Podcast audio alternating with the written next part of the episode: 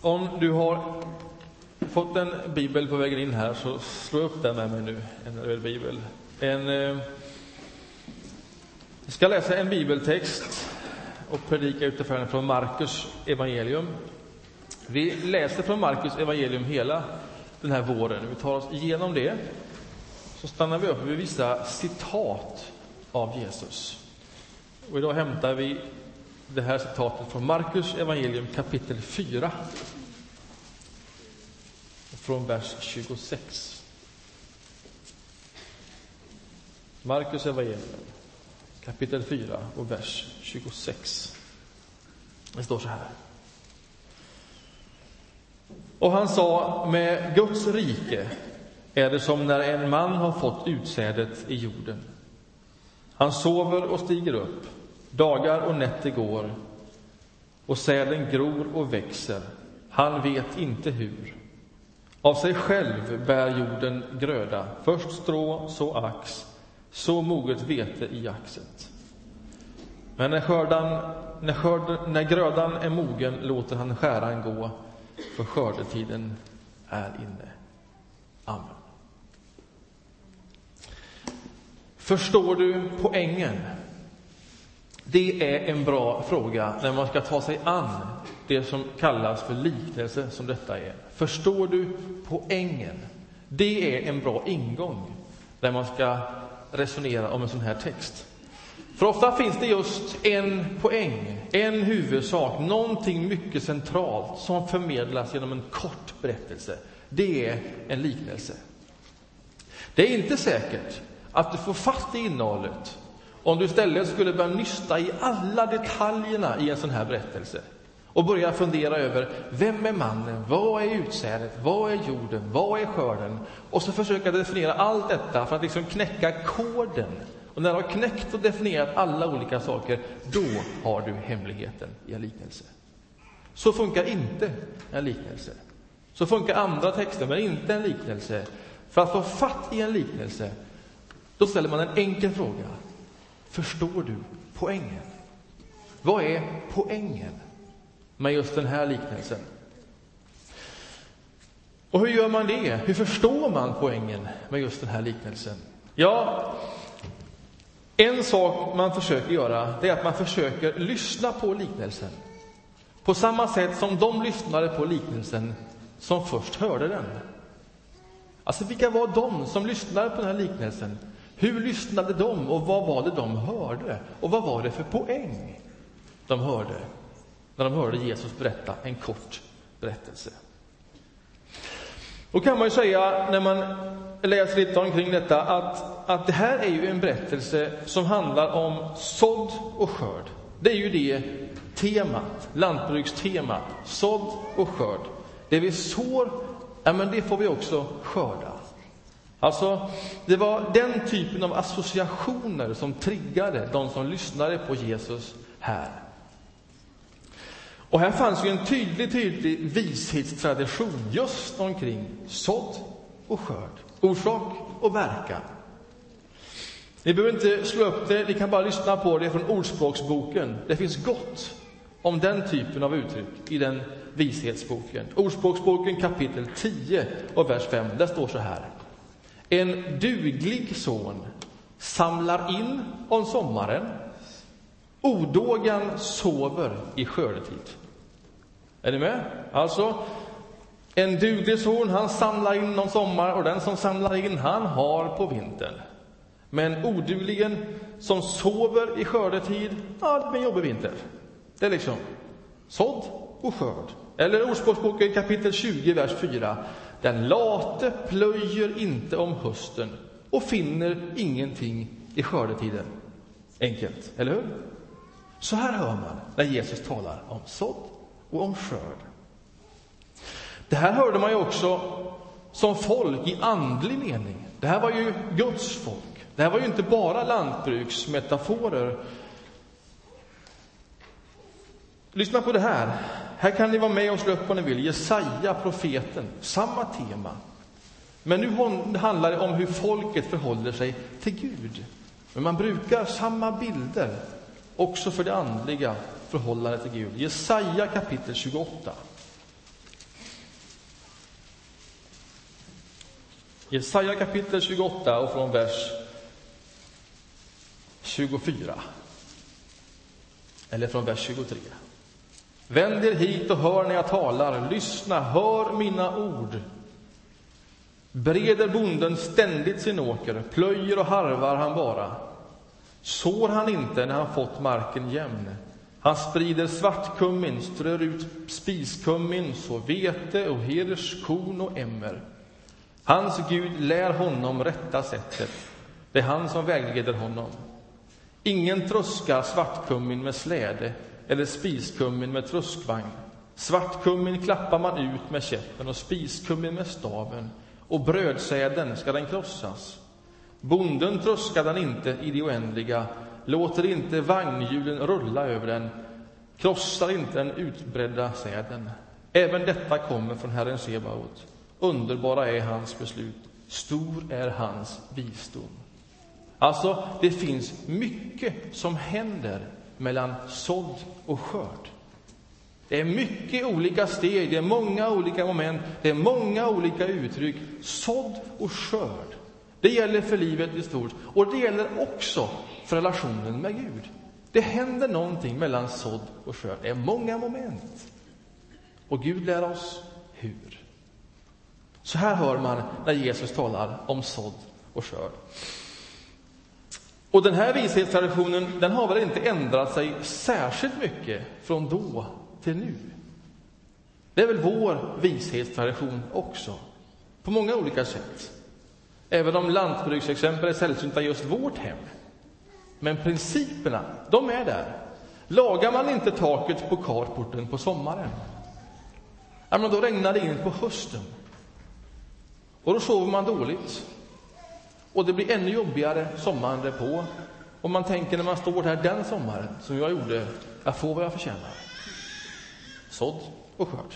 Eller hur? Där är vi. Ibland kommer principerna ut på ett mindre trevligt sätt. Ett tålamodet tar slut. Om du inte äter upp åtminstone halva korven så blir det ingen bolibompa.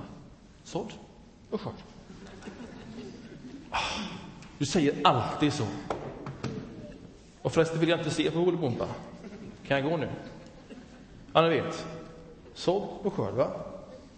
Orsak och verkan. Det här är grundläggande, det är basalt, det är inbakat i vår vardag, liksom det var för dem som Jesus talade till. Så, i den här tankevärlden talar Jesus. Och så berättar han en liknelse som handlar om hur man ska förstå Guds rike. Alltså, Guds rike, en ny ordning, de goda nyheterna som är ett sorts förtydligande av vem Gud är, vad Gud vill och hur varje människa kan närma sig honom och leva i en nära och dynamisk gemenskap med honom. Det är budskapet om riket. Det är de goda nyheterna. Det är det som Jesus säger.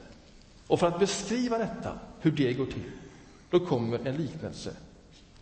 Jag läser den igen. Markus 4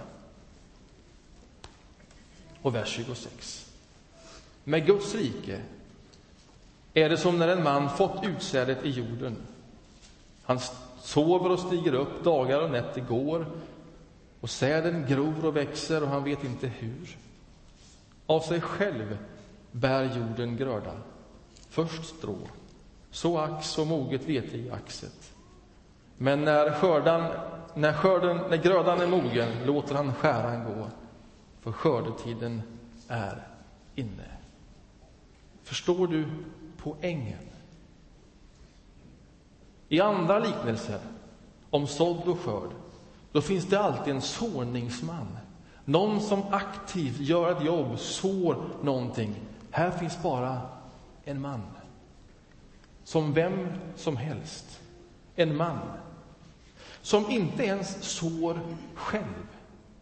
Utan som till och med får någon annans sådd i sin jord. Han får utsädet. Och den här mannen, vem som helst, han sover och han stiger upp. Dagar och nätter går. Vad betyder det? Han bryr sig inte någonting om det han har fått av utsäde. Tiden bara går. Och han sover bort en stor del av den tiden. Han gör allt det som man inte gör i lagen om sådd och skörd. Han är den med Ordspråksboken. Han är den late. Han är odågan. Och ändå gror och växer säden. Han vet inte hur. Jag menar, han har inte gjort någonting för att så ska ske. Och ändå sker det. Ändå sker det att det blir skörd, att det finns någonting att skörda. Hur ska man förstå detta? Vad är poängen? Vad är det Jesus vill få sagt om detta riket? Ja, här är nyckeln. I lilla uttrycket av sig själv bär jorden gröda. Av sig själv, automate. Det är ordet som det står i grekiskan. Automate. Det betyder av sig själv, utan någon orsak. Det vill säga, det här är ett mysterium. Automate. Och det fanns någonting att skörda.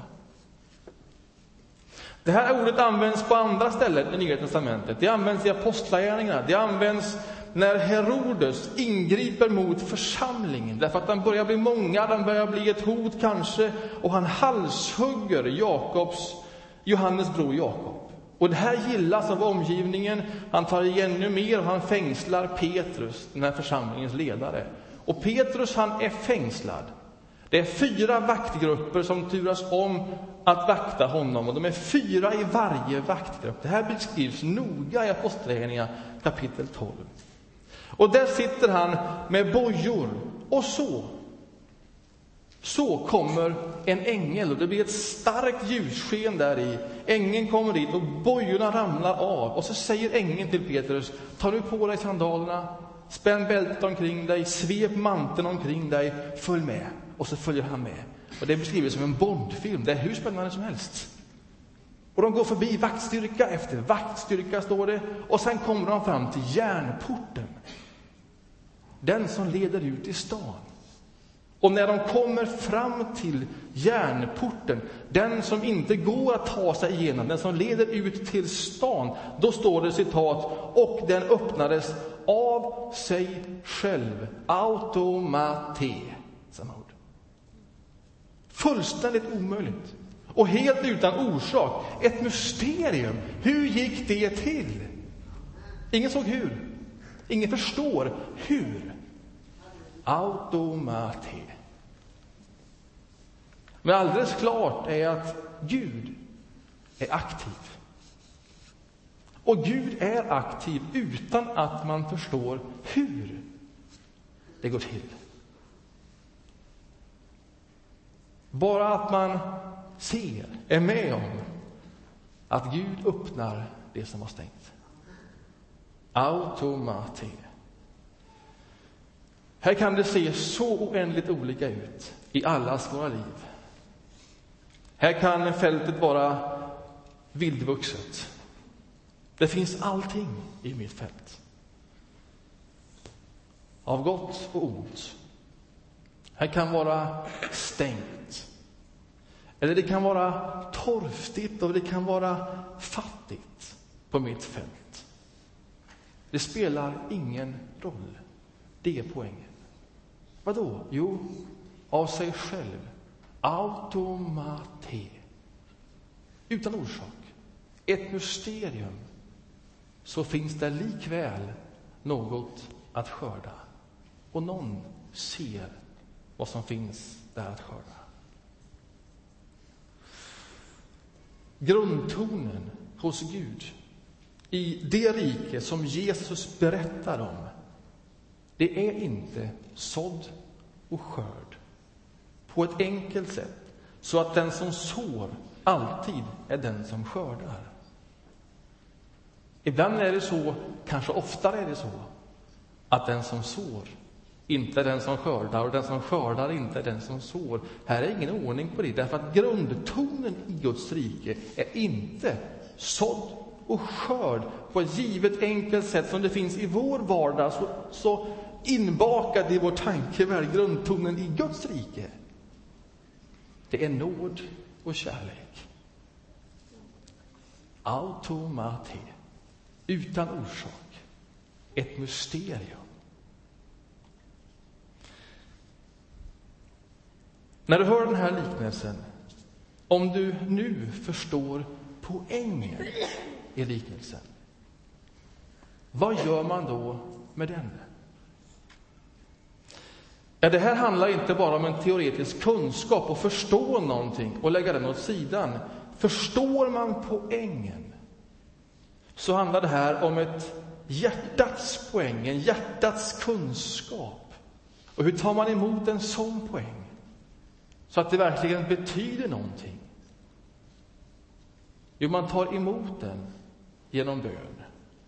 Man bjuder in Jesus Kristus, han som är Gud förklarad. Han som är ett med riket. Han som är här med just detta budskapet från Gud. Om du förstår poängen nu, ta emot den, ta emot honom. För säger han, när grödan är mogen, då låter han skäran gå, ja, för skördetiden är inne. Och om man har läst mer av Bibeln så kan man tänka, ja men det där beskriver en avlägsen framtid, någonting som kommer, skäran, skörden. Och det finns absolut en sån aspekt och det finns den typen av associationer att göra. Men det finns fler associationer än den om en avlägsen framtid. Somligt skördas nu. Så här säger Jesus, ni säger fyra månader till, då är det dags att skörda. Men jag säger er, lyft blicken och se hur fälten redan har vitnat till skörd. Han ser någonting. Och han ser någonting i varje människa. Och så säger han, den som skördar får sin lön. Han bärgar grödan till evigt liv, så att den som sått och den som skördar, som ju inte behöver vara samma, kan glädja sig tillsammans. Johannes evangelium kapitel 3. Det här känner vi igen från det evangelium som vi läser också, Markus evangelium. Tiden är inne. Det är det första Jesus säger, det är det första som återges av Jesus i det här evangeliet, Markus evangelium. Tiden är inne. Guds rike är nära. Omvänd er och tro. Förstår du nu poängen? Grundtonen i Guds rike, det som är nära, det som är här. I den här tiden, när tiden är inne, det är inte sådd och skörd på ett enkelt sätt. Det är inte orsaken och verkan på ett statiskt sätt, utan nåd och kärlek.